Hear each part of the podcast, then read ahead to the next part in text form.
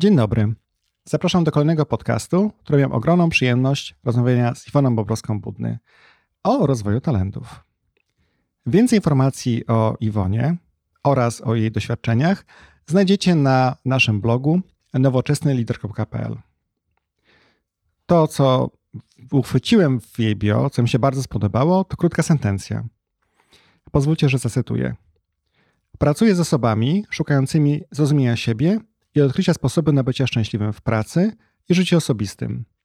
Od młodzieży wchodzącej na rynek pracy do doświadczonych menadżerów w roli prezesów i ministrów włącznie. Mamy dzisiaj walentynki, też przy okazji możecie sprezentować ten podcast jako wspaniały prezent o rozwoju dla swoich partnerów i partnerek.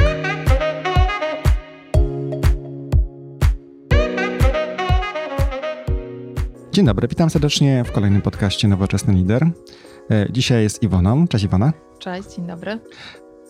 E, Iwona, słuchaj, gdybyś mogła tradycyjnie przedstawić się naszym słuchaczom, kim jestem, kim jesteś, czym się zajmujesz? E, to jest zawsze takie pytanie, gdzie y, zastanawiam się, jak zacząć. Najczęściej faktycznie od strony takiej zawodowej przedstawiam się jako talent management mentor, czyli pracuję z ludźmi, pomagając im wydobyć z nich to, co jest w nich tak naprawdę prawdziwe. E, natomiast tak naprawdę, tak od strony mojej, jestem matką 16-latki, e, jestem trenerem e, rozwoju osobistego, pracuję na Akademii Lona Koźmińskiego. Na zajęciach głównie ze studentami MBA i studiów podyplomowych, czyli z tak zwanymi starszakami pracuję. Czy ja dobrze pamiętam, że Koźmiński to najlepsza uczelnia MBA w Polsce? Tak, oczywiście.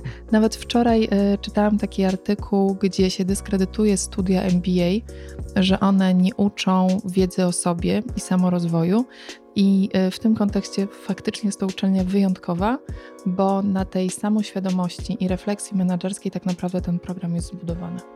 Ja też pamiętam, bo popełniłem jeden rok e, studiów MBA, mhm. E, później rzuciłem mnie do, do, innego miasta i po tym roku musiałem przestać. Natomiast no, że Renata, Renata Gut wykładała, tak, prawda? Tak, tak, tak. I właśnie prowadziła zajęcia z zarządzania talentami na Zielonej Ścieżce. Dokładnie. Dokładnie. I Renata pamięta, że to pierwsza, to był najbardziej zapamiętany przeze mnie wykład, kiedy Renata mówiła o nas, o naszych talentach. E, mhm. Używaliśmy testu Galupa wtedy i cała grupa dzieliła się tymi talentami. Dyskutowaliśmy, kto co ma, jaki jest rozkład w tej grupie. Jako, że tam było 30 osób, to się bardzo ładnie, wiesz, poukładały te wszystkie tak, kolory. Tak. Dobrze, to może wiesz co, rozpoczynając, y, gdybyś mogła powiedzieć parę, masz na pewno i też ma dużo studentów i to ludzie na MBA to są ludzie, którzy zarządzają innymi. Mhm. Pewnie prowadzisz warsztaty. Jak wygląda rynek talentów w Polsce? Rynek w sensie, jak wygląda zarządzanie talentami w Polsce? O, o to chciałam spytać. Mhm. Ja powiem tak, wydaje mi się, że pomału jest tak, że y, organizacje budzą się do zarządzania talentami, nie tylko w programach y, talentowych, jakby ukierunkowanych na pewną grupę tak zwanych high potential, czyli wybranych osób, które albo są na stanowiskach, które są kluczowe dla organizacji, albo są to osoby kluczowe o wyjątkowej wartości, wiedzy, umiejętności dla organizacji, tylko zaczyna się budzić taki trend patrzenia na wszystkich pracowników jako na talent, jako na kapitał. E, I między innymi właśnie tutaj metodologia, o której powiedziałeś, e, Galupa jest bardzo fajna, bo to jest ten aspekt, że każdy z nas ma do czegoś predyspozycję, do czegoś ma talent. I jeżeli my pracowników w ten sposób rekrutujemy, to my potem możemy ich w ten sposób rozwijać, układać w różnych miejscach. Mm, ja mam takie podejście, którym się dzielę już od dłuższego czasu, szczególnie właśnie w aspektach, kiedy uczę rekrutacji, że już to nie jest ten moment, kiedy my możemy patrzeć na kompetencje pracownika. Kompetencje to jest za mało.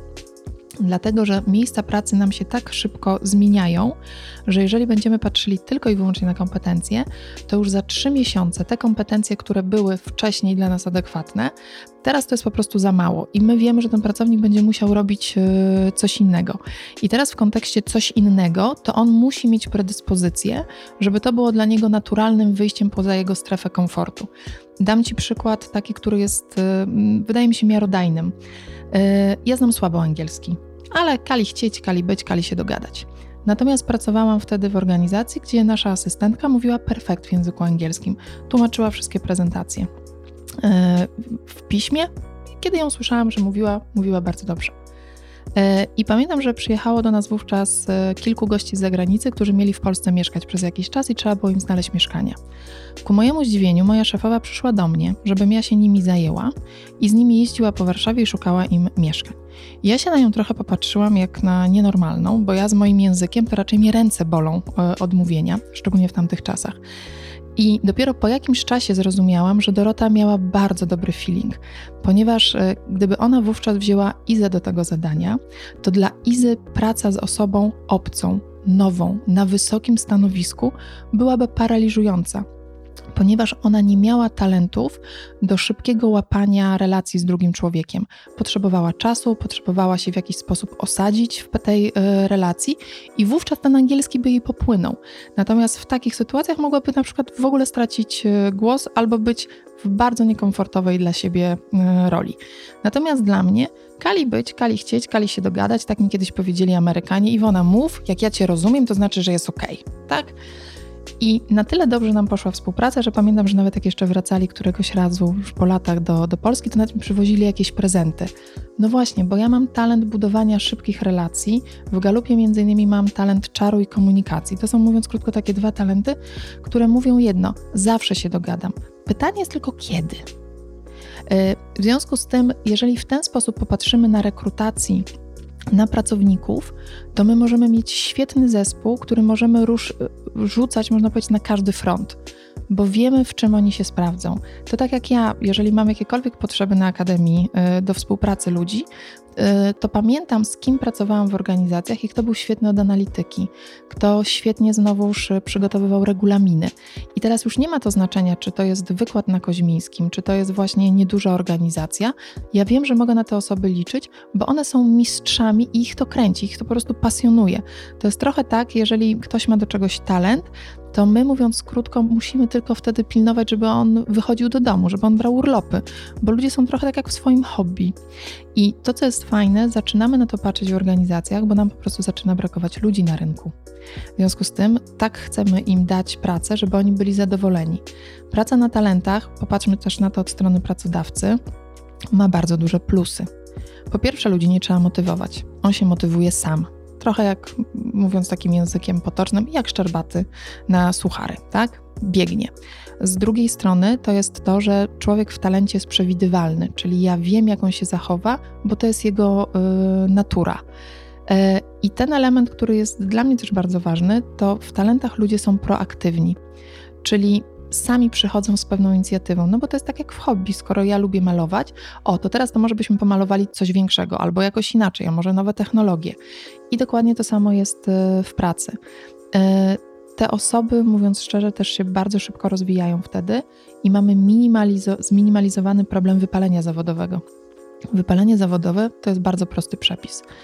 Pójdź do pracy, w której nie masz możliwości wykorzystywania swoich talentów, za to w tej pracy będziesz robił to, do czego masz najmniejsze predyspozycje. E, przykład jednej z moich koleżanek. Pójdź do pracy w jednoosobowym pokoju i to niech będzie praca na Excelu, czyli odcięcie od ludzi, a kazanie robić rzeczy, które są wymagające analitycznego myślenia i to w skupieniu maksymalnie pół roku jest wypalenie zawodowe. Uwaga, kobiety szybciej potrafią wyjść z wypalenia zawodowego niż mężczyźni. Tutaj akurat chodzi o biochemię organizmu. W związku z tym każdy pracodawca, jeżeli liczy tak naprawdę pieniądze, to naprawdę opłaca się zatrudniać ludzi po talentach. Koniec.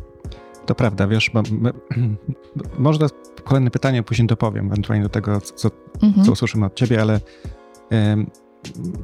masz pytania od swoich studentów czy od klientów, e, słuchaj, no zaczynam budować nową organizację, x osób. Od czego mają rozpocząć? Bo zakładam, że pewnie dowiązujesz do talentów wtedy, tak? Tak, tak, tak. tak. E, wiesz co, od czego mam zacząć? E, parę takich pytań, które są kluczowe. Jakie są wyzwania? Jakie są zadania? Jakie role w takim razie potrzebujesz? E, trochę to jest też takie pytanie, jaki jest idealny kandydat, czyli co ta osoba powinna w sobie e, mieć, co powinna umieć. I w pewien sposób tutaj możemy mówić o kompetencjach, czyli kto do czego się nadaje. Tylko pod każdą kompetencją tak naprawdę jest rdzeń kompetencyjny, czyli rdzeń, na którym, czyli moje predyspozycje i talenty, na których ta kompetencja się wytworzyła. Szybko bądź wolno. I z tej perspektywy, jeżeli coś się wytwarza wolno, czy wytworzyłam to wolno, to znaczy, że to nie jest moja najmocniejsza strona. Więc jeżeli ktoś mi powie, jakie jest, będą stały wyzwania przed organizacją, czego będzie potrzebować od ludzi, jaka jest, y, jaki będzie, nie wiem, rodzaj klienta, rodzaj działalności, to wtedy trzeba zrobić krok do tyłu, to jakie kompetencje nas są potrzebne i jeszcze jeden krok y, wstecz, to jakie w takim razie powinny być za tym y, talenty. Mm, ważna jest dla mnie też tak naprawdę osobowość lidera i osoby, która tworzy organizację, tworzy zespół, bo pod tą osobowość trzeba też dobierać e, ludzi. Mam na myśli też to, że to nie znaczy, że te osoby muszą być e, identyczne. Broń Panie Boże, zespół powinien być synergiczny, różnorodny, ale czasami też jest pytanie, czy menadżer, lider, właściciel jest gotowy do tego, żeby zatrudniać ludzi, którzy są różnorodni. To też trzeba sprawdzić. Czy potrafi, mówiąc krótko, zarządzić swoimi emocjami i zarządzać innymi osobami, które mają inne tempo chociażby pracy, inny sposób podejmowania decyzji. I to są takie rzeczy, które są dla mnie ważne, czyli jaką on będzie tworzył kulturę organizacyjną, jakie będą wyzwania w roli, jakie będą wyzwania w organizacji, y, co będzie na już nam potrzebne, a co będzie nam potrzebne za dwa lata. Super, zgadzam się w 100%. To mam do Ciebie jeszcze pytanie, czy zgadzasz się z takimi dwoma stwierdzeniami? E, raporty PwC, McKinsey'a, chyba Hacketa, one są dość zgodne w dwóch, dwóch obszarach. E, mówią o tym, że po pierwsze, i to też może odnieść po części do takich obszarów jak technologiczne, czyli zespoły techowe, IT i tak dalej, no bo tam się dużo zmienia. We finansach może mhm. troszkę mniej biorąc pod uwagę, co ustawodawca potrafi, a do tego, co każdy urząd skarbowy chce. To też prawda. Mhm. I to jest ogromne wyzwanie. To prawda, to masz rację. E, nie, nie, nie się upraszczać, no, jestem tak, ekspertem tak, tak. z tej branży, natomiast e, i oni mówią tak, są dwie rzeczy, że pierwszym elementem, na który się, dzisiaj zwracają duże firmy uwagę, to jest twoja umiejętność uczenia się, czyli learning agility. Dokładnie. Mhm. I profesor Koźmiński dokładnie to samo mówi, że my nie jesteśmy w stanie tak naprawdę wykształcić lidera. Lider, a tak naprawdę pracownik, specjalista musi wykształcić się sam. Musi mieć nosa do tego, co, czego będzie potrzebował jutro. E, to, to, to dokładnie to jest jeszcze to, o czym rozmawialiśmy przed samym nagraniem, że, mhm. E, że e, no, część osób, czy po, po, oczekujemy od pracowników, że będą szukali samorozwoju również, prawda? Tak. A druga, drugi, drugie stwierdzenie to jest to, że to, co ty powiedziałeś wcześniej, rynek pracy jest dość wąski teraz. E, mamy raczej niedobór specjalistów, aniżeli ich nadmiar i to odczuwają wszystkie rynki. Tak, tak. Ściągamy z różnych krajów. Tak, no myśmy wyjechali do Wielkiej Brytanii, teraz mamy, cieszmy się, że ktoś do nas chce przyjechać. Tak. I tutaj pojawia się też e, takie stwierdzenie, że kiedyś był taki założenie takim modelem Netflixowym. Nie wiem, czy czytałeś artykuł Harvarda. Netflix taki wypełnił kiedyś artykuł w Dolinie Krzemowej, tam się odbił szerokim echem. Mhm. Jak. Tak, jak on się sam zmieniał. Jako, mówisz o tym artykule, jak Netflix sam się zmieniał. Znaczy, tam nawiązuje teraz do rozwiązania talentami, że oni mieli tendencję, czy to była ich strategia, że zawsze brali super ekspertów w danej dziedzinie technologicznej. Mhm. Jeżeli zmieniali dziedzinę technologiczną, to oni tych ekspertów zwalniali, zatrudniali nowych ekspertów z tą technologią, nie ucząc. Znaczy, jeśli ktoś miał bardzo mały, wiesz, gap do zamknięcia, do douczenia się, no to w porządku, ale zazwyczaj dostawali dobre odprawy. Trochę tak jak z narzędziami. Y, kupiłem sobie teraz Harley'a, narzędzia od poprzedniego motoru nie działają, w związku z tym kupujemy cały nowy sprzęt do Harley'a. Trochę tak z nimi było. No, ale to było to, ten ich artykuł pojawił się 8 lat temu. No, ten mhm. czas mocno, wiesz, świat się zmienił. I teraz tendencją ogólnie na całym świecie i też rekomendacją tych firm jest to, żeby ludzie jednak prze, prze, po, pozwalać im się przeszkolić, prze, przebranżowić, czy zdobyć nowe kompetencje w firmach. Czy też to widzisz może w dyskusjach z twoimi studentami, firmami? To powinno tak być, natomiast nie we wszystkich organizacjach e, jest jeszcze gotowość e, zarządów, żeby to robić, bo tak naprawdę jest to w pewien sposób inwestycja w pracownika. I tutaj musi być bardzo duża świadomość organizacji, że ta inwestycja po prostu się opłaca. E, w związku z tym bym powiedziała tak, wydaje mi się, że to jest jedyna możliwa, możliwy kierunek, bo Dam taki przykład. Kilka dni temu moja córka była na wystawie takich różnych dziwnych zwierząt, jak pająki, węże i tak dalej. I przesłała mi zdjęcie obok takiego młodego chłopaka. E, I ja bym nawet nie miała bladego pojęcia, kto to jest, gdyby nie to, że kilka tygodni temu obejrzałam razem z nią kilka filmów. To jest youtuber, który jest fanem pająków, opowiada o tym w taki sposób, że moja córka, która kiedyś miała arachnofobię, jest tym zafascynowana e, i tak dalej, i tak dalej. I nagle się okazuje, że się pojawiają zawody, których my nie mieliśmy rok temu. To oznacza, że ja teraz w firmie mam ludzi, którzy mogą być specjalistami w dziedzinach, które dzisiaj są po prostu kluczowe, w technologiach, które są mega ważne, a za rok zupełnie coś innego będzie im potrzebne. Nikt z nas by nie wymyślił, że 5 lat temu że młody chłopak, nie wiadomo skąd, nagrywający w małym pokoju albo dzieciaki nagrywające w garażach, mogą być teraz tak naprawdę y, gwiazdami dla młodego pokolenia. To jest zawód już. Więc z tej perspektywy wydaje mi się, że my powinniśmy wręcz o tym myśleć jako pewnego rodzaju must dla organizacji, w jaki sposób ludziom pomagać szukać dla siebie miejsca w świecie, który jest tak dynamiczny i tak zmienny. Jest taka fantastyczna e, strona w języku angielskim, która się nazywa Czy robot zabierze Twoją pracę? Możesz sobie wpisać nazwę swojego stanowiska i sprawdzić. Na chwilę obecną nauczyciel ma jeszcze szansę przeżycia, ale już księgowy, kadrowa, kierowca niewielkie. To jest tylko kwestia y, czasu. W związku z tym my potrzebujemy ludzi i my potrzebujemy tym ludziom wskazać pewnego rodzaju drogę, co oni mogą zrobić. A jeżeli jesteśmy jako organizacja specjalistami, a chciałabym w to wierzyć, to łatwiej nam jest podpowiedzieć tym ludziom, co mogą robić. Do mnie bardzo często się zgłaszają młodzi ludzie, którzy mają 15-18 lat. E, pani Iwono, no ja w ogóle nie wiem, co ja bym w życiu e, chciał robić. No pustka, tak? E, I tak naprawdę my jesteśmy w stanie wykonać różnego rodzaju testy, badania, porozmawiać, żeby w tej osobie usłyszeć, do czego ona ma talent, największą jakby trudnością każdego z nas jest to, że nam jest trudno samemu stwierdzić, do czego my mamy talent. Nam się raczej wydaje, że to, co ja mam, jest normą, a dookoła świat jest pełen ludzi niewydarzonych, bo oni tego nie potrafią robić. I to jest taki najfajniejszy wskaźnik, że wystarczy zmienić poziom normy, to oznacza, że ja to mam wybitne, a inni mają yy, normalnie. Czyli bardzo krótko odpowiadając na Twoje pytanie, wydaje mi się, że to jest jedyna możliwość, która stoi przed nami. Pytanie, na ile firmy, organizacje w Polsce są już na to gotowe. Wiadomo, że im większe organizacje z budżetami, one już to robią, ale za chwilę to będzie tak naprawdę dotyczyło każdego z nas. To jest też ciekawe, bo y, staram się też tam inspirować różnych liderów w tym, o czym mówimy. Że nie tylko właśnie te duże firmy mogą sobie na to na pewno jeszcze pozwolić, bo wiedza się dostępna, jest bardzo dużo osób, które też na przykład dzielą się w ramach communities w miastach i tak dalej. Wszystkie. Teraz Prawda? po prostu tak naprawdę, jeżeli ktoś chce, to jest mhm. tylko to jedno, chcesz, jest wszystko. I też podam może e, przykład, e, też po części jestem dumny, bo chyba jest to firma, która jest ma teraz headquarter w Poznaniu, E, NetGuru, nie wiem, czy kojarzysz. Mhm, nie. To jest, to jest, słuchaj, no to ja nie znam do końca całej historii firmy, natomiast e, e, to jest taki startup, który wyrósł 5 lat temu chyba. Miał tam na początku 20, 30, 50 osób, teraz ma 500. I ostatnio widziałem artykuł o nich, że oni są porównywalnym pracodawcą, jeśli chodzi o chęć pracowników pracowania w firmie do Netflixa, Facebooka i Google'a. Wow. Mhm. I to jest firma, mhm. która jest, no, Wiktor, który, którego znam w Poznaniu, no, firmą zarządza ewidentnie znaleźli to coś, e, co ludzi do nich ściąga. Mhm. Wyrastali z małego starta, startupu. Zresztą notabene chyba trzy tygodnie temu, dwa tygodnie temu nagranie z Bogusią, która właśnie prowadzi taki akcelerator startupowy. Mhm. I tam po prostu kwestia jest dzisiaj pomysłu i konsekwencji, aby rozpocząć działania. Mhm. Więc tak zachęcamy tylko tymi dygresjami do każdego, żeby o tym pomyślał. To nie tylko jest dla wielkiej firmy. Tak, tak, tak naprawdę jest to dla każdego z nas, bo każdy z nas może stanąć przed takim wyzwaniem, że z jakiegoś powodu musimy zmienić miejsce zamieszkania, a tam nie ma pracy w tym zawodzie, który wykonujemy.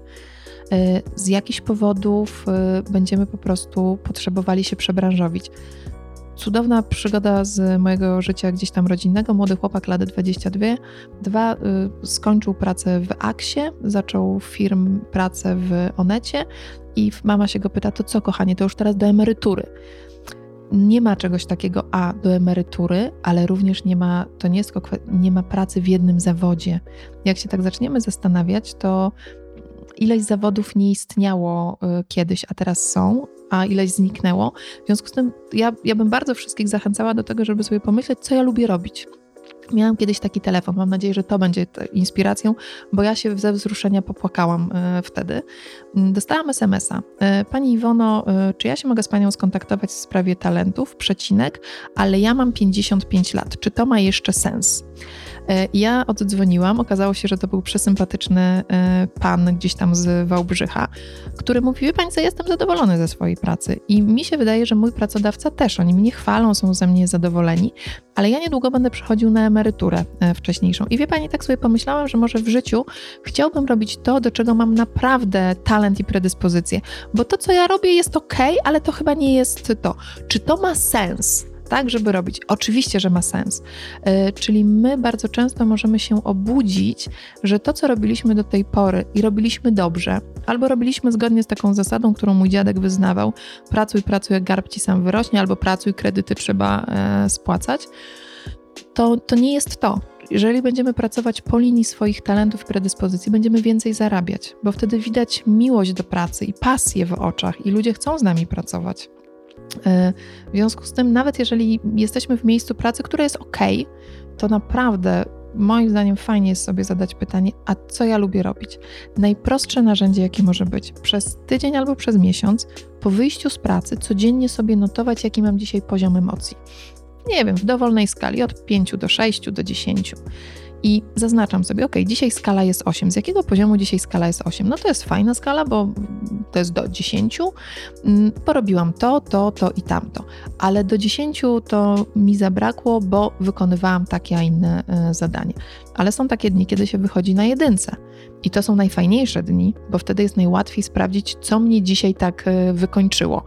I naprawdę po miesiącu widzimy, czy praca, którą wykonuję, jest, daje mi głównie te wysokie noty, czy te niskie, albo co w mojej pracy powinno być, żebym się dobrze y, czuł. Drugie narzędzie, które można sobie wykonać, już jako follow-up albo jako pierwsze, wypisać na kartce, znowu w, w kolumnach dwóch, co, y, co ja lubię. Y, jakie prace sprawiają mi przyjemność, a w drugiej kolumnie czego nie znoszę. I najczęściej moje doświadczenia są takie, że klient taką pracę wykonuje w przeciągu tam, nie wiem, pół godziny pierwszego dnia, ale przez kolejne 2-3 tygodnie dopisuje, bo coś mu przyszło do głowy, coś się dopisało. E, a później po prostu e, zagiąć tą kartkę i wszystko, co było po tej stronie, czego ja nie lubię, schować i po prostu robić tylko to, co człowiek lubi i unikać tamtych e, zadań. Znowu, nie zawsze się da, ale sama świadomość dla mózgu, bo to jest też ważne, jest tak dużo informacji dookoła nas, że my ich nie rejestrujemy. Stąd ta samoświadomość na Koźmińskim u menedżerów, którą wzbudzamy. Zauważ, co ci daje przyjemność, bo to ci też da sukces. Ja, ja podzielę się może takim swoim sposobem pracy zespołem. Nie wiem, czy on jest właściwy. Zespół na razie się nie buntuje. Mhm. My, my, zawsze mówimy, że mamy jako, ca jako całość y, zadań do wykonania, jako cały zespołu jest część rzeczy, które są fajne. Mhm. No jest część rzeczy, które nie są fajne, tak. ale trzeba je Zawsze zrobić. tak są. Zawsze tak jest, to taka jest y, taka rzeczywistość. I mówimy też tak, że dobieramy, mamy teraz tak zespół podzielony, że każdy z członków zespołu pracuje w swoich silnych stronach, mhm. pomimo tego, że nawet ich opisy stanowisk się nie zgadzają. Y, dogadaliśmy się, to tak. co robi. I tam właśnie mamy ten element, że to co lubię, mhm. tylko to jest strefa komfortu. Tak. Tam mamy część elementów rzeczy, które muszę robić, no niestety, no, ktoś no, zęby musi. trzeba umyć przed Dokładnie. snem. I mamy część taką, ileś tam procent później, która rośnie, rzeczy, których boję się trochę robić. I mhm. to jest mhm. wychodzenie ze strefy komfortu, czynienie się nowych rzeczy. Mhm. I to z upływem czasu ten komfort zamienia się coraz bardziej w ten dyskomfort, w sensie, no człowiek się musi rozwijać. I może, co, nie wiem, czy jak myślisz o takim modelu? Yy, wiesz co, yy, dla mnie taki model jest ok, w takim kontekście, że ja rozumiem wszystkie te trzy strefy, w związku z tym ja do niego nic nie mam. Dla mnie jest tylko bardzo ważne, żeby menadżer miał świadomość, co to znaczy wyprowadzanie ludzi na, poza strefę komfortu. I ten przykład, który mówiłam wcześniej, związany z, ze mną i z Izą, jest związany z tym, że jeżeli człowiek wykonuje pewną pracę, do której ma predyspozycję, ale jeszcze jej nie umie, no tak jak ja, nie znałam języka angielskiego dobrze, ale generalnie mówić umiem to ja w zakresie kompetencji mówienia miałam adekwatną samoocenę, nawet może adekwatną plus. I na takiej bazie można mnie wrzucić na szeroką wodę, wyjąć poza strefę komfortu i powiedzieć: Bobroska, to teraz po angielsku mów. No i zobaczymy, jak to będzie.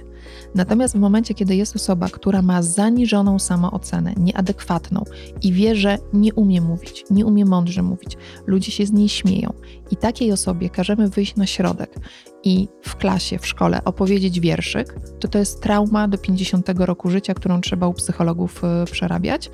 E, a u pracowników czasami nawet są takie blokady, że pracownik traci e, głos. I wtedy nie jest to wyjmowanie poza strefę komfortu, tylko to jest łamanie pracownika. I naprawdę w swojej karierze zawodowej miałam takie dwie osoby, które widziałam, które były złamane. Między innymi jeden ze świetnych menadżerów kilka lat wcześniej w naszej organizacji, do której go zatrudniliśmy po roku, musieliśmy go y, zwolnić. Więc to jest taka, moim zdaniem, warto sobie zdawać sprawę właśnie z y, definicji rozszerzania pola kompetencji, umiejętności, wyjmowania poza strefę komfortu, bo to nie o to chodzi, żeby na bosaka po Syberii y, biegać jak człowiek z Afryki. To jeszcze może razu przy okazji zareklamuję podcast, który zrobiłem wcześniej też ramach takiej pięciominutowej serii Samoświadomość lidera, żeby wiedzieć, mm -hmm. kim się jest. I to jest też podcast dla pracowników, żeby wiedzieli, kim oni są. Tu wchodzimy też w tematy związane z budowaniem na mocnych stronach i wyznaniem talentów ludzi, żebyś właśnie nie wysyłała osoby, która ma mo mocno introwertyczne zapędy właśnie do bycia tak. głównym speakerem na przykład danej organizacji, tak? tak?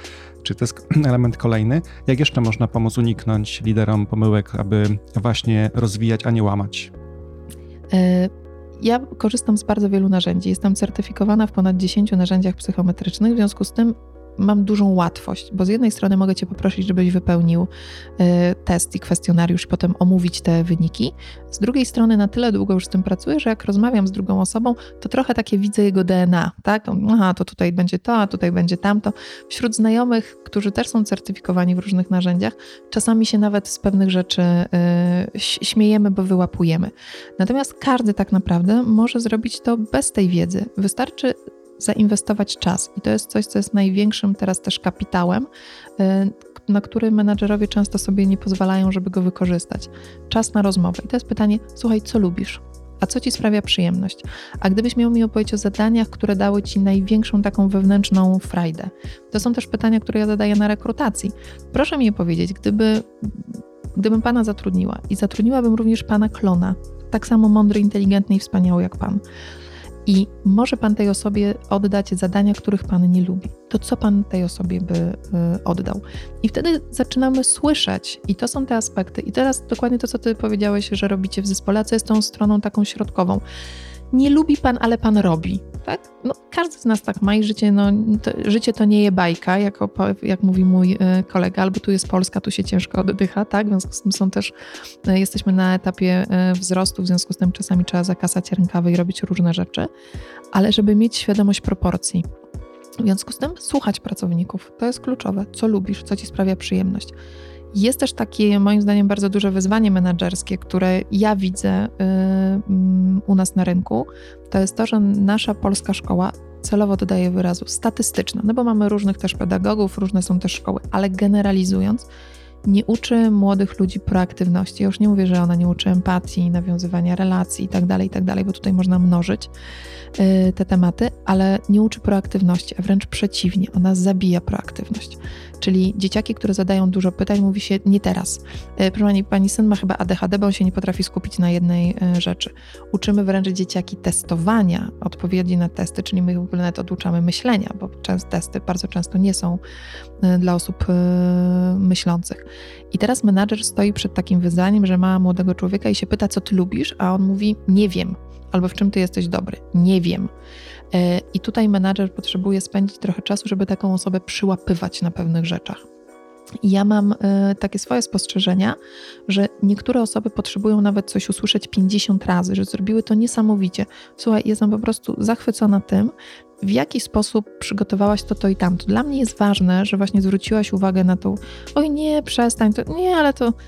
I po pierwsze, uczą nas skromności. To też jest e, fantastyczny pomysł, który mamy wychowawczy, który też później jakby blokuje nam, naszemu mózgowi, docenienie samego e, siebie. Czyli przy osobach młodych albo takich, które mają nieadekwatną samoocenę, menadżer musi się przygotować na czas razy dwa, albo czasami czas razy trzy. Ale w momencie, kiedy taką osobę obierze z tej łupiny i dojdzie do tego prawdziwego, pysznego włoskiego orzecha, to tak naprawdę ma pracownika na lata. Jeszcze może dodam, że te, ten, te trzy elementy, ten taki, który nikt nie chce robić, prawda? Który mamy w naszym, naszym pracy codziennej, to też my zespołem siadamy wspólnie razem, obgadując całość tych komponentów do dostarczenia produktów, zadań, cokolwiek. I później okazuje się, że rzeczy, których ty na przykład Iwona nie lubisz robić, ja lubię robić. Ale dokładnie. Nie? Tylko, że trzeba usiąść wspólnie i to przegadać wspólnie, nie w, nie w silosach, niczego nie ukrywając. Tak. I każdy czuje się później w miarę komfortowo, no bo procentowo, jak wspomniałaś, tych rzeczy niechcianych, każdy ma mniej więcej tyle samo. Albo niewiele, no bo się okazało na samym koniec dnia, że różnorodny zespół zaobserwował różne rzeczy. No tak, tylko teraz posłuchaj jakby sam siebie, co ty robisz. Inwestujesz czas w spotkanie, zamiast wysłać do wszystkich maila, tak? I to jest ten element. Jeżeli wyślemy do wszystkich maila, to, to mamy sprawę z głowy. Trzy minuty i każdy dostał maila, wie co ma robić. E, natomiast potem ilość kłopotów i trudności, która się mnoży, bardzo często nie jest w ogóle nawet w stanie menadżer przewidzieć, i wtedy są koszty. I niektórym menadżerom się wydaje, że on jest efektywny, bo dzisiaj w 3 minuty wydał, e, zdelegował e, zadania. To jest największą trudnością, żeby zrozumieć, że jeżeli ja dzisiaj zainwestuję godzinę, to następnym razem będą to półgodzinne spotkania, albo nawet i trzygodzinne spotkania, ale praca zostanie wykonana e, w sekundę. Ja miałam dwie szefowe, które Pewnie to robiły może ze świadomością, a może i nie ze świadomością, ale one przychodziły do nas do pokoju. Siedzieliśmy najczęściej na open space'ach w działach personalnych i mówi, słuchajcie, mamy taki case do zrobienia, taki temat, to kto co chciałby robić. I pamiętam w jednej organizacji mieliśmy bardzo trudny temat mm, zwolnień grupowych. Do zwolnienia prawie było 70 y, osób i teoretycznie by się wydawało, że to jest temat, z którym moja szefowa powinna pójść do działu kadr. Przygotujcie papiery, a ona przyszła do naszego całego zespołu i wtedy okazało się, że moja koleżanka, która jest HR Business Partnerem, powiedziała, słuchajcie, to ja zrobię całą komunikację wszystkie te wszystkie Q&A, które trzeba przygotować wcześniej. E, napiszę listy, będę pilnowała tego. Ja powiedziałam, że jestem fanką organizacji, w związku z tym ja zrobię całą mapę, kto kogo ma zwalniać, w jakich parach, e, w jakim czasie. Faktycznie pozostali się zajęli jakimiś swoimi rzeczami. I uwaga, ponieważ każdy wziął to, co lubi, to w pewnym momencie mówił, słuchajcie, ja swoje skończyłam, czy komuś w czymś pomóc. E, I tak naprawdę robota szła sama. A nawet jeżeli na koniec został jakiś kawałek, którego nikt nie chciał, bo nie był jego ulubionym, to naprawdę to był ułamek pracy, którą trzeba było przydzielić. No i właśnie ktoś, kto powiedział, słuchaj, ja już skończyłem, to mogę teraz to dziubać, tak? Ale zarazem ile my mieliśmy wtedy pomysłów takich kreatywnych, łącznie z tym, że wypowiedzenia dawaliśmy w dwóch różnych y, kolorach teczek, żeby osobie, która zwalnia, było łatwiej zapamiętać, że tu jest porozumienie stron. I tak naprawdę na takim temacie, który jest ciężki, ja zobaczyłam tak ogromną pracę zespołową, a zarazem, przepraszam, że to powiem, bardzo przyjemną pracę, bo to był jeden z projektów, przy którym mi się najprzyjemniej pracowało, ale uwaga, od strony technicznej, nie od strony emocjonalnej, tak? Wiadomo, jeszcze może podam też taki, wiesz, przykład z życia wzięty dwa miesiące temu w kontekście budowania na silnych stronach, dyskusji z zespołem, Efekt uboczny tego typu dyskusji jest taki, że na polskie ustawodawstwo przewiduje, że masz opis stanowiska. Uwielbiam polskiego hmm. ustawodawcę. Uwielbiasz, prawda? I teraz miałem. mój zespół nie jest tak spektakularnie duży, na raptem kilka osób. I rekrutowaliśmy nową osobę. E, bo poprzednia awansowała, pojawiło się po niej miejsce. No i te, ten delikwent pytał się wtedy, ten kandydat, e, co on konkretnie będzie robił. Jeszcze ja powiedziałem oczywiście, że tutaj w opisie to jest, są kluczowe elementy, ale bardziej byśmy chcieli posłuchać, jako zespół są chciałby robić, jak do nas dołączy. Ale piękne. No. Zabieram sobie to pytanie.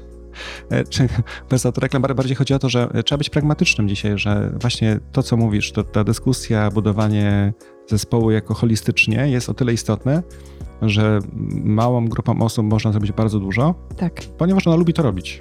Tak, a jak nawet w tym zespole kogoś nie ma, to ja kogoś znam, kogo na chwilę możemy tutaj przyciągnąć i idzie.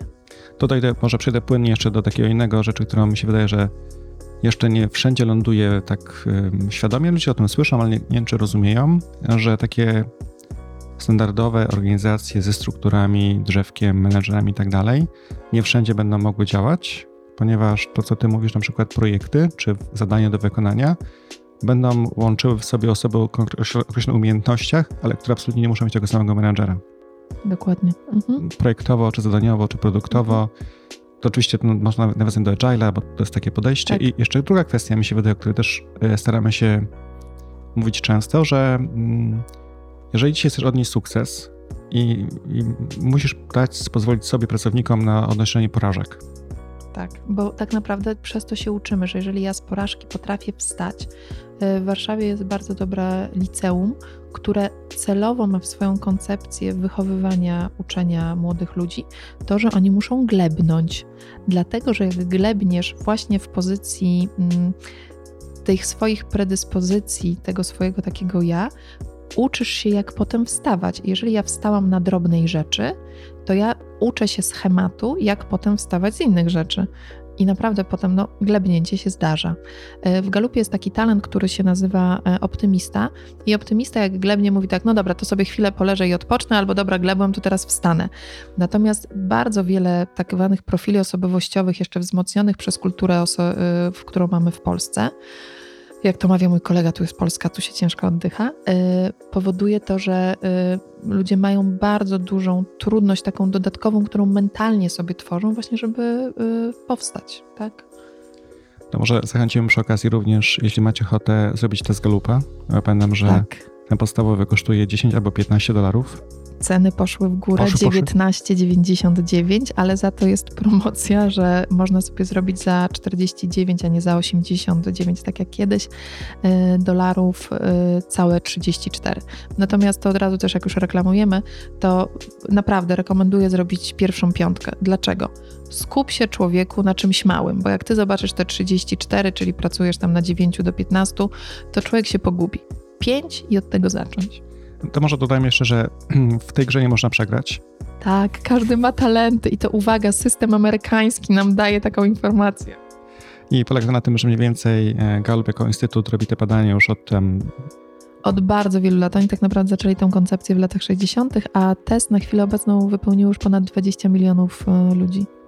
I dostajecie za te 19,90 e, swoich pięć topowych talentów, które zgodnie z tym, co mówi Gallup, jeśli powtórzycie test po nawet dwóch, trzech latach, to pierwsza trójka czy czwórka nie powinny chyba się zmienić, tak? Wiesz co, to jest trochę tak, że właśnie jeżeli ktoś sobie zrobi 34, y, to zobaczy nasilenia, kolejność swoich talentów i wtedy każdy z nas, kto już zna tę metodologię, powinien sobie usiąść z tymi 34, dlatego mówię, że to lepiej jest zrobić po dwóch latach. Pierwsze to robimy piątkę i mówi tak, dobra, tymi siedmioma pierwszymi się zgadzam. Ten ósmy, oj nie, to ja już tego nie czuję. To oznacza, że w mojej jakby percepcji talentów pierwszych siedem mogę nazwać talentami operacyjnymi. I teraz, które z nich będą w pierwszej piątce, czyli które się będą pokazywały w tym pierwszym badaniu, zależy bardzo często w jakim jestem momencie życia zawodowego, w jakiej sytuacji. Czyli na przykład, kiedy ja pracowałam w korporacjach, w działach personalnych, nie miałam komunikacji w pierwszej piątce, ale jak zmieniłam pracę i mm, tak naprawdę pracuję głosem, to komunikacja mi weszła w y, pierwszą piątkę, za to z tej pierwszej piątki wyszedł mi talent y, organizatora, wszedł na dalsze pozycje. E, niektórzy mówią, a o nie, no to ja nawet z 15 korzystam. Tak? To mniej więcej taka statystyka mówi, że między 8 a 15. I dlatego czasami mogą być ruchy w pierwszej piątce.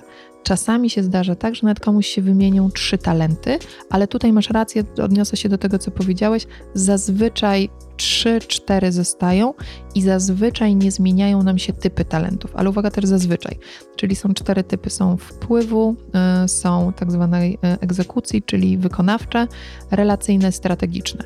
W związku z tym gdzieś one się tam w tych odpowiednich ćwiartkach nam układają. A powiedz mi jeszcze, bo mając 34 talenty zdefiniowane przez Galupa, mhm. czy każdy z nich można rozwinąć i nauczyć, czy są takie, które musisz po prostu mieć? Proszę cię. Jeżeli ja mam talent y, rozwagi na 32 miejscu, analityka na 33 miejscu i na 34 y, bezstronność, czyli to są wszystkie trzy talenty, które mówią o osobach, które są właścicielami tych talentów. Zanim coś zrobię, przemyślę, bezstronnie ocenię, rozważę za i przeciw. Nie wylejmy dziecka z kąpielą, zastanówmy się, zanalizujmy, jak to wydarzenie dzisiaj jest osadzone w przeszłości, jaką będzie miało ten. A moje wszystkie talenty mówią, zasuwamy, to ja nie wiem, co bym musiała zrobić, e, i przepraszam, ile wypić może alkoholu, którego nigdy w życiu nie piłam, żeby spowolnić. Tak, ryzykiem mojego stylu bycia i moich talentów jest to, że jestem za szybka, że za szybko wyślę maila, że za szybko coś kupię.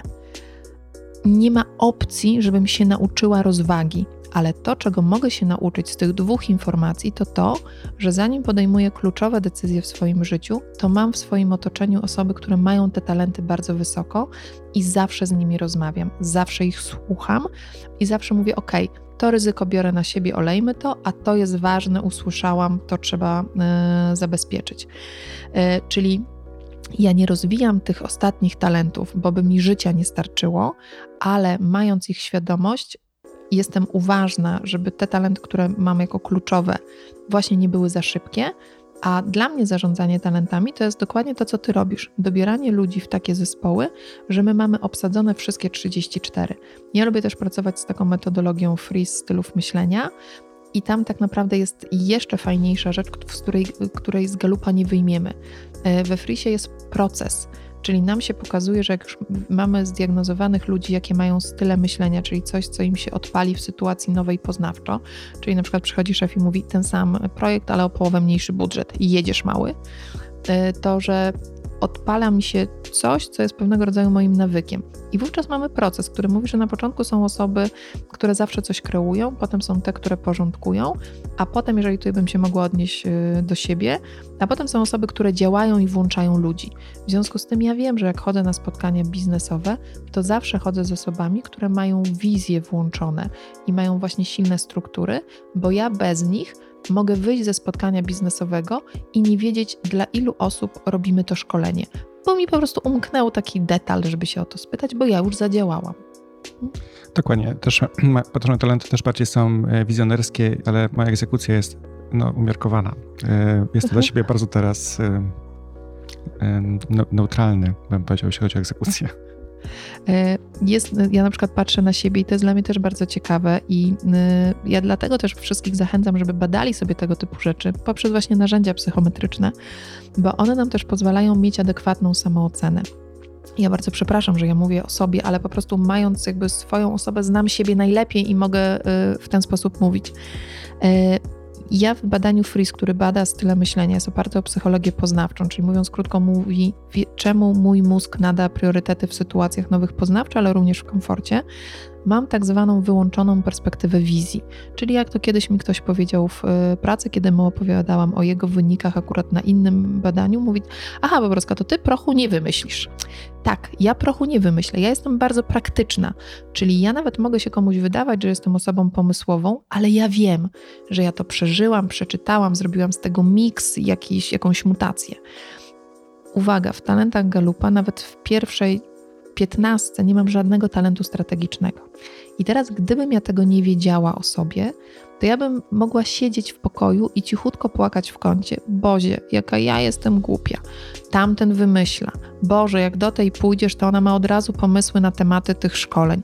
Tamta wymyśla sama ćwiczenia, a ja jestem durna i nie potrafię takich rzeczy w momencie, kiedy rozumiem, że mam talenty i nie mam talentów strategicznych, potrafię powiedzieć: OK, faktycznie, ja prochu nie wymyślę, ale wszystko, co ja przygotowuję, jest możliwe do zastosowania i jednocześnie wiem, że moimi wszystkimi talentami jest budowanie relacji z drugim człowiekiem. I ja po prostu potrzebuję mieć kompana, który będzie mi wymyślał pewne rzeczy, a ja potem mu to dowiozę. Natomiast ja na pewno tę osobę bardzo mocno wzmocnię właśnie w budowaniu e, relacji, rozumieniu drugiego człowieka, bycia w kontakcie z klientami. I w tym momencie mam szansę wyjść z tego konta, otrzeć łezki i powiedzieć: OK, dobra, prochu może nie wymyślę, ale Y, I to jest też fajne, że na podstawie takich narzędzi, które są, mówiąc krótko, diagnozujące, które są też skalibrowane, to nie jest kwestia, no bo Baśka mi tak powiedziała, tylko mój mózg jest w stanie zobaczyć, aha, okej, okay, dobra, tutaj tak napisali, mówiąc krótko, mózg też jest bardzo często krytyczny i mózg czasami, mówimy też o krytyku wewnętrznym, gdzieś czasami sabotuje pewnego rodzaju nasze zachowania i takie narzędzia zewnętrzne po prostu pozwalają temu mózgowi powiedzieć, no dobra, nie mam za bardzo z czym dyskutować, no przyjmijmy, że tak jest. To też jest właśnie bardzo fajne w takim mm, rozumieniu siebie i budowaniu swojej przyszłości. Super, to wiesz jeszcze może trochę nawiążę do twojej roli mentorki w rozwoju talentów. Mhm. Jak wygląda praca z Iwoną, mentorką w rozwoju talentów? To zależy, co klient sobie życzy e, i jakie są potrzeby, bo e, czasami Jutro nawet mam e, spotkanie. Poznaliśmy się e, przy okazji z, e, z pewnym panem z mojej, w mojej ulubionej kawiarni Cafenero. Od słowa do słowa właśnie wypełnił teraz badanie Freeze i talenty Galupa i on powiedział wprost: Iwona, ja po prostu jestem ciekawy siebie. Wydaje mi się, że siebie znam, ale nigdy takich narzędzi nie wypełniałem. Chcę po prostu zrozumieć, czy ja siebie dobrze znam, po prostu jestem tym zainteresowany. Koniec. W związku z tym, jeżeli klient jest sobą zainteresowany, to to są takie dwa narzędzia, które ja bardzo lubię. Trzecim takim trio to jest e, RIS Motivation Profile, który bada 16 naszych motywatorów. I wtedy można sobie zamknąć klamrą takie rozumienie e, siebie. Ale Czasami klient mówi, że chciałby zrobić takie badanie albo chciałby pracować ze swoimi talentami, a po rozmowie okazuje się, że jego ukrytą potrzebą jest, może nawet nie do końca taką świadomą, być lepszym menadżerem. I wówczas na przykład y, są narzędzia, które będą do tego lepsze, żeby y, zbadać. Takim narzędziem, na którym ja bardzo lubię pracować, to jest TalentQ, to jest FQ15. E, tam mamy czasami nawet 45 skal, na których możemy sobie kogoś obejrzeć i właśnie popatrzeć, jak to funkcjonuje. Czyli jak się pytasz, jak się ze mną pracuje, to najpierw potrzebuję posłuchać klienta, czego klient życzy, bo klient może nie wiedzieć, jak jest. To tak jak ja kupuję samochód. Dla mnie samochód jeździ, więc mnie sprzedawca też musi posłuchać, czego ja potrzebuję i nagle się okazuje, że dwa kubki na napoje są kluczowym parametrem w kupowaniu y, auta.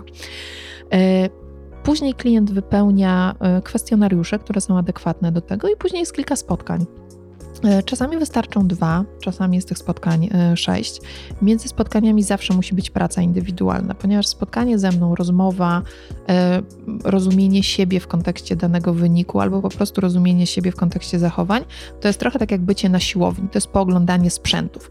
Ale po to, żeby mieć kaloryfer na brzuchu albo brak palikanów na łapkach, ci, którzy chodzą na siłownię będą wiedzieć o co chodzi, no to trzeba poćwiczyć, tak? To się nie bierze z patrzenia. W związku z tym później są różnego rodzaju prace, głównie związane z samoświadomością. E, a potem tak naprawdę ludzie też opowiadają, jak dużo rzeczy potrafili zmienić w swoim życiu. E, są osoby, które mówią, że pierwszy raz w życiu potrafiły poprosić o podwyżkę e, albo właśnie zmieniły rolę w organizacji, albo odmówiły awansu bo już teraz rozumieją, że te naciski, które mają w organizacji już od jakiegoś czasu i którym do tej pory udawało im się jakoś miękko, że tak powiem, ominąć, no to teraz po prostu musieli twardo powiedzieć, że nie, ja nie chcę awansu ze względu na to, na to i na to i to nie jest moje widzimisię, tylko jakby rozumieją z jakiego trzonu to wychodzi, z jakiej takiej prawdy wewnętrznej. Na coachingu Zen używaliśmy takiego ładnego sformułowania, z jakiej esencji takiej człowieczej to wychodzi i że po prostu nie będzie to dla mnie ani dla organizacji efektywne. Super, to staram się zamknąć jakąś klamrą naszą dyskusję. Gdyby dzisiaj nasz potencjalny albo aktualny lider mają rozpocząć, to byś mogła zarekomendować pierwsze trzy kroki. Mhm.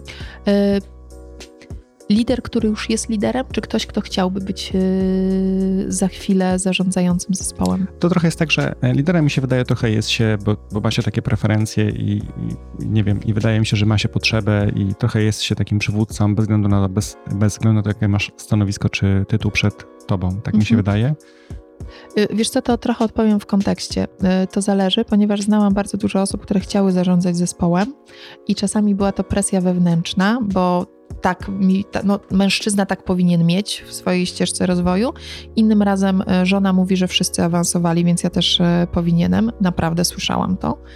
E, I i, wtedy, a czasami mamy tak, że osoba po prostu awansowała, bo mówiąc krótko, organizacja tak zadecydowała i jesteśmy w jakiejś sytuacji. Powiem tak, jeżeli ktoś aspiruje na takie stanowisko, tym bardziej jest lepiej zrobić różnego rodzaju badania, żeby sprawdzić, z czym ja powinienem pracować. Wszystkim rekomenduję i uważam, że powinno być to obowiązkowe po prostu prawie od urodzenia, chociaż w chwili obecnej jeszcze Freeze dla dzieci powstaje jako eye tracker, jest od 19 roku życia, zbadać sobie swój styl myślenia. To jest psychologia poznawcza, jak działa mój mózg. Odsyłam na stronę freeze.pl, można tam dużo też poczytać. I to jest coś, co moim zdaniem uświadamia. Drugim narzędziem, takim menadżerskim, to już w zależności y, do kogo ktoś trafi, bo jest kilka takich narzędzi, ale przynajmniej takie, które ma 15-20 skal y, poznawczych. Czyli jest na rynku na przykład dostępne MBTI, ale to są tylko cztery skale, oczywiście, że tam się patrzy na różne warianty. To nie o to chodzi. Ja osobiście bardzo lubię pracować na TalentQ i FQ15, ale takich narzędzi jest sporo. Y, bo to jest y, mm, chociażby na Wielkiej Piątce y, Facet 5 oparty, bardzo dobry. Jest, są testy Hogana, również bardzo ciekawe. Hogan jest w ogóle bardzo fajny i jak również Talent Q, bo ma tak zwany raport blokerów kariery. I z takim jednym narzędziem zacząć pracować. Koniec. Tylko i wyłącznie jednym. Czyli najpierw freeze, bo to jest styl myślenia i to jest obok, a potem osobowościówka. I mówiąc krótko, pójść do kogoś, kto z tym pracuje i do kogo ja będę miał zaufanie, bo trochę powiem coś, co jest może jakby wbrew temu wszystkiemu, co powiedziałam do tej pory o tych narzędziach. Narzędzie nie ma znaczenia. Chodzi o to, żeby znaleźć osobę, do której ja będę miała zaufanie, że będę chciała z nią pracować na podstawie tego wyniku jeżeli ta chemia będzie, jeżeli to, co też powiedziałeś o pewnej konsekwencji, która pojawi się w tej y, relacji, to to jest coś, co, z czym menadżer powinien pracować. I takie trzy najważniejsze skale, które są w tych narzędziach i które trzeba ogarnąć. Ja w relacji z ludźmi, czyli na ile jestem osobą, która jest chętna słuchać, zapytać, a na ile jestem dyrektywny. I myślę, że wiemy lepiej. E, druga skala, na ile jestem proaktywny, bo nie po to się zatrudnia menadżera, żeby mu mówić, co ma robić. I trzecia skala, na ile mam tak zwane mm, łatwość występów publicznych, ale nie w kontekście w ogóle kreowania siebie na zewnątrz, ale również na przykład zawalczenia o swój zespół e, w, mm, przed, e, nie wiem, gronem zarządu w obronie budżetów, albo na przykład nie, nie brania prac, która nie należy do mojego zespołu. To są takie trzy aspekty. I czwarty, który tak naprawdę mogę dołożyć do menedżerskiego, ale on dotyczy każdego pracownika. Umiejętność zarządzania własnymi emocjami. Na ile hormony i emocje zarządziły mną, w związku z tym zachowałem się totalnie nieadekwatnie do sytuacji, a na ile potrafię tym zarządzić. Brak zarządzania emocjami dotyczy również tych sytuacji, kiedy w pracy byłem miły i przełknąłem ślinę, a następnie jak przyszedłem do domu, to była awantura o buty na środku albo niezakręcony szampon. To również mówi o tym, że nie zarządzam swoimi emocjami. Ja bardzo Ci serdecznie dziękuję. To była super dyskusja. I oczywiście zachęcamy w Waszej drodze liderskiej słuchania naszych podcastów. Tak, ja sama będę zaraz odpalać. Mam nadzieję, że Iwono, jeszcze może spotkamy się kiedyś, szczer, naprawdę szczerze. Z prawdziwą przyjemnością. E, słuchajcie, no, życzę Wam miłego dnia, e, życzę Wam dobrego rozwoju. Narzędzia, przynajmniej Galub jest dostępny dla każdego, kto chce sobie wejść na stronie. Stronę jest w stanie... Mhm. Czy ja mogę jeszcze jedno Oczywiście. zdanie, bo mam taką głęboką potrzebę wytłumaczenia się. E, wszystkie osoby, które wysłuchały ten podcast i mają takie poczucie, że hmm, czegoś mi tu brakuje albo nie rozumiem takiej jakby całości, to może być to na przykład związane z tym, że macie wysoki talent analityczny i tak zwanej struktury. To jest coś, co jest akurat w mojej strefie unikania, dlatego ja prowadzę rozmowę bardzo lekko, płynnie, przeskakując z tematu na temat i jeżeli właśnie Wam zabrakło jakiegoś takiego na przykład sztywnego kręgosłupa, to najprawdopodobniej macie bardzo silny talent struktur, analityczności, układania i planowania. To tak już informacyjnie dla tych wszystkich, którym czegoś zabrakło. Ja może jako taką ciekawostkę, bo nie słyszałeś Iwana o tym, że podobno jest ktoś chyba w Poznaniu, kto e, używa Frisa w pracy z małżeństwami i parami. Tak, ale ja sama, my mamy na koncie kilka małżeństw uratowanych. Tak. W każdym razie, ja też myśmy, moja żona też pracuje z Frisem, no i zrobiła nam kiedyś test. Wyszło, że ona jest analitykiem, a jestem strategiem. No i od tego momentu wiem doskonale, czego musimy w naszych relacjach o czym musimy pamiętać. Tak, ale ja nawet na podstawie Frisa mogę y, opowiedzieć, dlaczego ja się rozstałam po 8 latach ze swoim partnerem, a on ze mną. Także słuchajcie, e, możliwości, narzędzi i jakich używacie są olbrzymie. Galup dostępny jest online, wchodzicie na stronę, wydajecie 20 dolarów i macie test, macie wyniki. To zajmuje do godziny. Tak, bo tam jest 177 pytań, na każde jest maksymalnie 20 sekund, czyli do godziny, ale statystycznie podają informację, że 35 minut się wypełnia. Dokładnie, z płatnością kartą, ze wszystkim. Zachęcam oczywiście zrobić to w, w momencie, jak macie spokój. Obowiązkowo, bez dzieci, bez kotów, jak to dzisiaj mi powiedziała moja koleżanka, dzieci do piwnicy, yy, ze względu na to, że to jest tylko 20 sekund na pytanie, które wymaga trochę myślenia. I oczywiście my nie mamy z tego żadnego, żadnych benefitów. Żadnych. Ja sam kupiłem prywatnie swój test pierwszy, robiłem go lupowy. Ależ mamy. Idzie, mamy? wiesz, tak, oczywiście, przecież idzie kaganek oświaty, idzie więcej przyjemności, a jak siejesz dobre ziarenka i dobrą energię, to to do nas wróci. E, bardziej myślałem w kontekście komercyjnym, ponieważ jest dużo dzisiaj youtuberów, którzy opowiadają, czy tam podcasterów opowiadają o rzeczach, nie, nie klejmując, że mają z tego dochody. My nie mamy z tego żadnych dochodów, robimy to czysto od, ja to robię tylko i wyłącznie od strony takiej właśnie pozytywnej energii, którą bardzo głęboko wierzę, że jeżeli ją taką dajemy, to taka wraca. W związku z tym no, muszę powiedzieć, że będę miała z tego zysk. Dokładnie. Dziękuję serdecznie Iwona jeszcze raz, miłego dnia. Bardzo dziękuję.